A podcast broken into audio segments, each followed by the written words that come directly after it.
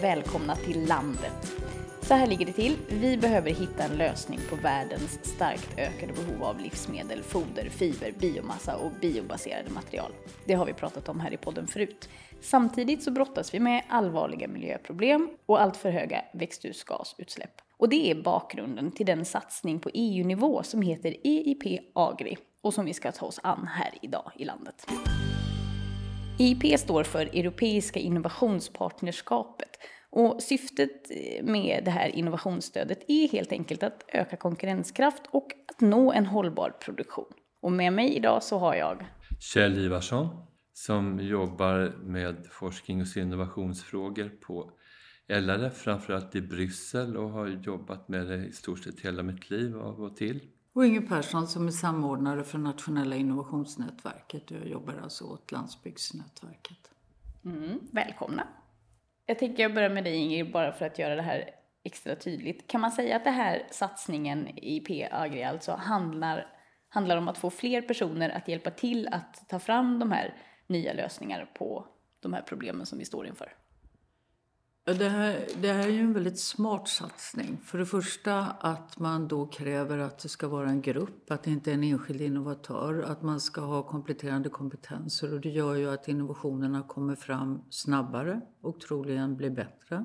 Eh, och sen att det är gränsöverskridande, alltså man pratar ju mycket om att att det behövs idéer från olika håll för att det ska, man ska nå innovationer. Mm. Och vilka är det som kan söka de här pengarna?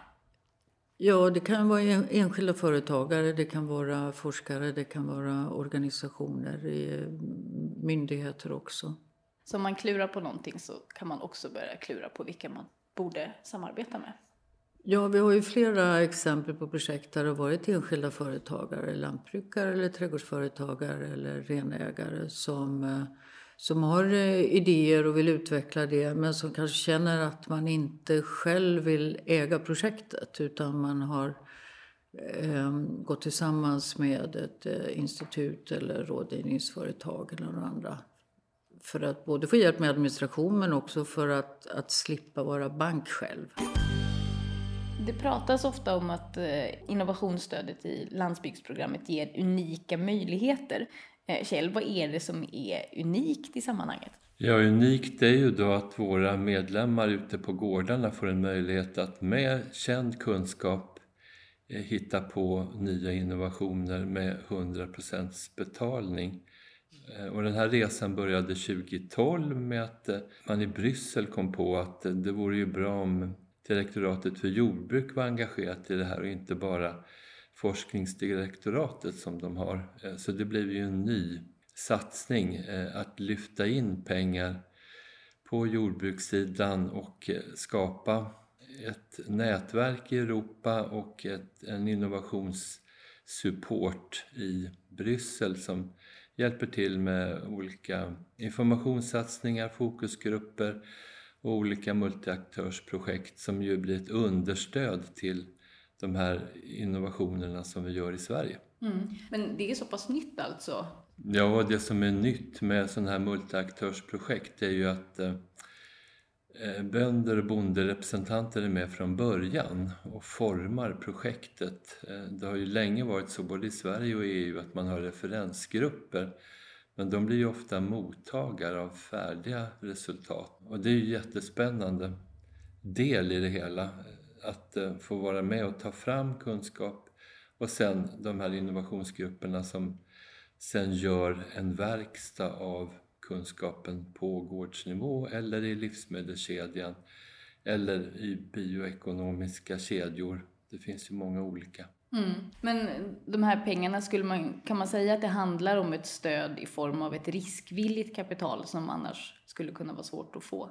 Ja, det är ju extremt svårt annars för en bonde att få 100% betalt både för att bilda gruppen och sen att driva det här projektet. Vinnova som normalt stöttar innovationer i Sverige, de brukar kräva 50% medfinansiering för att säkra upp att eh, man själv tror på idén. Men då, då är det ju svårt för små företag att kliva in. De har inte de ekonomiska musklerna. Så det här är ju en unik möjlighet för små företag på landsbygden att börja med innovationer. Innovationer är ju ingenting som är, som är nytt utan hela utvecklingen från stenåldersjordbruket till dagens högteknologiska jordbruk är ju en, en kedja av innovationer som väldigt, väldigt ofta har ju uppstått på, på gårdsnivå. Alltså ständiga förbättringar. Så lantbrukare både idag och bakåt i tiden är ju innovatörer. Man hittar på nya lösningar. Men nu kan man ta lite större språng med hjälp av det här riskvilliga kapitalet. Mm. Det är ju kanske bra med tanke på att eh, vi behöver lösa de här frågorna lite snabbare än, än på hundra års eh, cykler kanske. Ja, fast tittar man på de innovationer som lantbrukarna gör så handlar det väldigt mycket om en, en kombination av att öka effektiviteten, öka resursutnyttjandet och då ingår ju också, det blir liksom automatiskt det här att man får större, eller minskad klimatbelastning i och med att man minskar resursåtgången eh, och blir effektivare. Eh, så att det är väl utmärkande just för, för eh, innovationerna tycker jag nu, när vi tittar på de här projekten och tidigare också, att jämfört med innovationer kanske i andra branscher, att det är väldigt, väldigt mycket mm, ökad miljöhänsyn, ökat ansvarstagande. I Sverige så avsatte regeringen 440 miljoner till det här. Och då finns det dessutom pengar från EU-nivå där. Så man kan säga att de svenska skattebetalarna har ju bidragit till det här projektet i två gånger. Och i, fram till idag så har 50 projekt blivit godkända för genomförande och då finns det ungefär en tredjedel kvar av pengarna. Vad skulle ni säga att det här stödet har bidragit till? Vad har jag som skattebetalare fått för de här pengarna? Det är ju många spännande projekt. Alltså du skulle ta en timme och berätta om, om hur mycket spännande det är på gång. Och vissa av projekten är ju redan, några är redan klara, några är på väg att avslutas. Och sen tillkommer det projekt också. Men, men det är väldigt, väldigt spännande innovationer som betyder mycket och som verkligen har tagit fart. Det har gett eh, redan gett eh, efterfrågningar eh, eh, från andra länder och eh, nya applikationer av innovationen. Och så. Men finns det något lite mer sådär, några exempel så att jag får en bild av vad, mm. vad Vi som kan, egentligen kan... ta ett projekt som heter Biscanning och där handlar det om med hjälp av kamera upptäcka om man har fått in varroakvalster i bikupan. Och, och det här eh, nya verktyget då, det har tydligen fått 2000 användare redan ute i, i världen och fått, blivit belönat eh, åtta gånger med olika priser därför att det är så otroligt viktigt. Eftersom varroakvalster är ett stort hot mot biodlingen. Mm. Och det vet vi ju att bina, de behöver vi verkligen värna om som det ser ut just nu. Ja, de behöver vi värna om. Och vad det också har gjort den här innovationen är att den har lyft betydelsen av, av pollinerande insekter. Att fler har fått upp ögonen av att det är viktigt. Så att eh, kameror i bikupor, det kan vara en grej som man... Ja, och sen finns det andra kameror. Värmekameror för att upptäcka om, om djuren är sjuka. Kameror för att upptäcka om kor är brunstiga eller om kor ska kalva. Det är kameror på gång för att kunna klassificera djur. Man inte behöver ett, eh, en klassificerare utan att man kan göra det med hjälp av en kamera. Eller att man kan väga djur med hjälp av kamera. Och annat förutom kameror då? Vad kan det vara? Har det något? Ja, allt ifrån utveckling av eh, ska säga, att eh, starkare produkter på marknaden. Glädjande nog så har ju rennäringen tre olika innovationsprojekt just nu. Och ett handlar ju om att ta fram premiumprodukter av ren. Alltså att kliva från att vara bulkvara till att kunna erbjuda fina produkter till restaurang och eh, till konsument. Vi har även eh, lammlyftet som där man fastställer vilka faktorer det är som påverkar ätkvaliteten på lammköttet.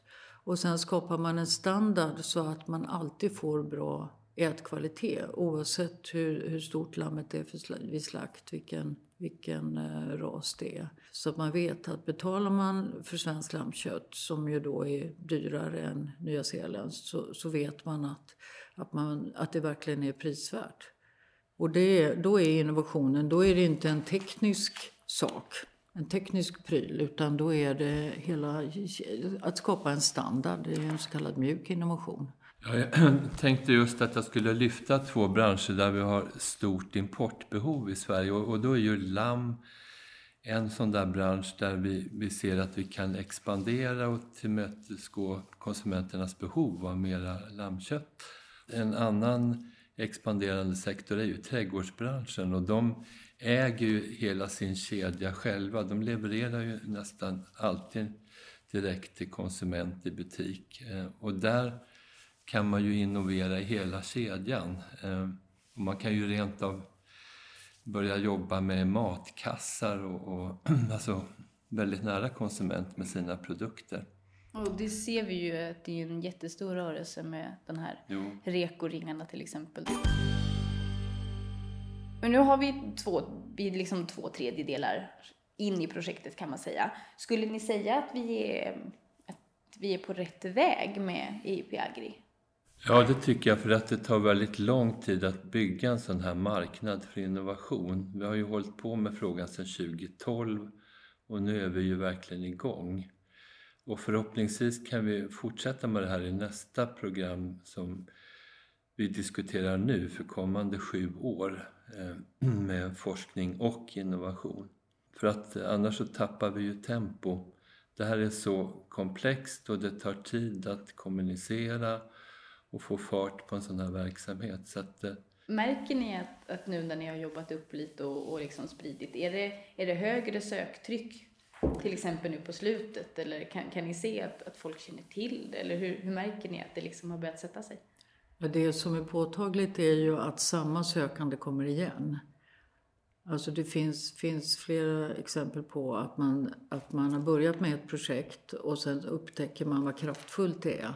Och så kommer man på, blir inspirerad av, eh, knyter kontakt med andra som har innovativa idéer eller man har det själv och sen så söker man för ett nytt projekt. Och, och det är ju alltid den, den första omgången som är jobbigast, att skriva ansökan. Även om vi nu har exempelansökan med budgetmall och checklistor för att underlätta för de sökande och handläggningen går ju mycket fortare idag än vad den gjorde från början. Men det pratas ju också om eh, ansökningsprocessen och att den har gjort eh, har gjort det lite omständigt att, att söka. Eh, vad kan du se, Inger, som har varit besvärligt och, och begränsande? Och är det något av det här som ni har liksom lyckats hitta en lösning på så att det är lättare nu? Ansökningsprocessen är, är jobbig. Den är jobbig för de sökande och det är mycket arbete för handläggarna. Men det som är helt unikt med det här är ju att det är 100% finansiering. Och då måste man gilla läget. Att är det 100% finansiering så måste ju också de som är ansvariga, i det här fallet då Jordbruksverket, veta att det här är inte bara tillhöftat. Och det, när vi har intervjuat projektledarna när de har varit igång ett tag och frågat hur det går i projekten och, och då har de då svarat att det går bra, mycket bra. Och, och frågar man varför går det bra? Ja, det har varit en bra planering. Så att den här noggranna genomgången, alltså stålbadet i samband med ansökan är en väldigt bra hjälp sen när man drar igång projektet för fullt. Är det något i, under de här åren som har överraskat positivt? Nu ja. nickar du och ler och du med. Ja, en sak är väl att eh, vi har ju ett väldigt litet jordbruksinstitut i Sverige jämfört med till exempel Frankrike. Vi har 80 anställda som jobbar med jordbruk och livsmedel i Sverige. I Frankrike har man 8000 som jobbar på franska inre. Eh, och de har kommit ut på banan och eh, deltar i de här projekten. Eh, och det är ju de som... Institutet är ju, är ju verkligen länken mellan universitetet och näringen. Så det har ju stärkt det bandet. Det mm. tycker jag är jättebra. Då tänker du på RISE? Ja. Det, det som är roligt är ju att man ser att man, man lite grann eh, utmanar eh, rådande strukturer. Alltså att utveckla Kanske inte så stora innovationer men betydelsefulla för praktikern är kanske något som de stora företagen inte vill lägga pengar på. Och det blir ytterligare en sak som de ska marknadsföra. Men de här pengarna har möjligt gjort att, att enskilda företagare då kan bilda en grupp och, och utveckla den här praktiska saken som, som har stor betydelse i vardagen. Jag kan ta det där exemplet eh, Breakbox då, ett, ett övervakningslarm för utgödsling som slår larm om linan som drar skraporna i utgödslingen går av. Så larmar den och stänger av. Vilket gör att det går väldigt mycket fortare att reparera det och korna hålls renare. Det blir bättre djuromsorg och, och man sparar pengar. Mm. En annan sak som är, förutom att, att man nu ger chansen till små smarta företagare, eller säga, med innovatörer, är ju att de samarbeten som uppstår i de här grupperna ger ju nya kontakter som i sin tur genererar nya idéer och, och uh, nya projekt eller uh, affärsmöjligheter. Mm. Är den effekten större då än, än vad du hade förväntat dig? Det, det, var ju precis det som EIP Agri skulle handla om. Både få fram innovationer och att skapa, alltså bygga broar som man säger mellan praktik och forskning och rådgivning och industri. Och, och, det, och det är precis det som har hänt. Det vi inte har riktigt ännu, det är väl det internationella samarbetet. Det är ju lite tuffare. Eftersom det då är, handlar om främmande språk också och längre resor och så. Men vi jobbar på det. Nu finns det ungefär 150 miljoner kvar i den här satsningen för utveckling av nya idéer. Vad skulle ni vilja säga till de som klurar på en möjlig lösning och funderar på om det vore bra att ta del av de här pengarna? Ja, här är ju en unik möjlighet att få 100% finansiering för att starta en grupp och sen att eh, starta ett projekt. Eh, och den har vi inte haft förut och vi hoppas ju naturligtvis att den ska finnas framöver men, men det vet vi inte än så att passa på. För det är inga banker som eh, tar sådana här risker?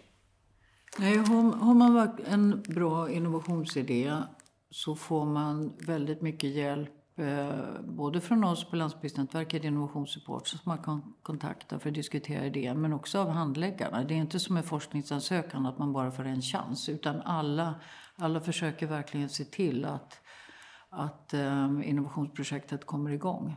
Så ta chansen och bolla idéerna. Ja. Och sen ansöker du.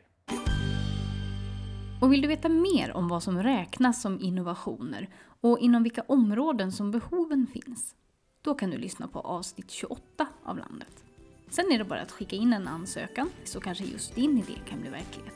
Jag heter Ida Lindhagen och producerar Landet åt Landsbygdsnätverket. Vi hörs!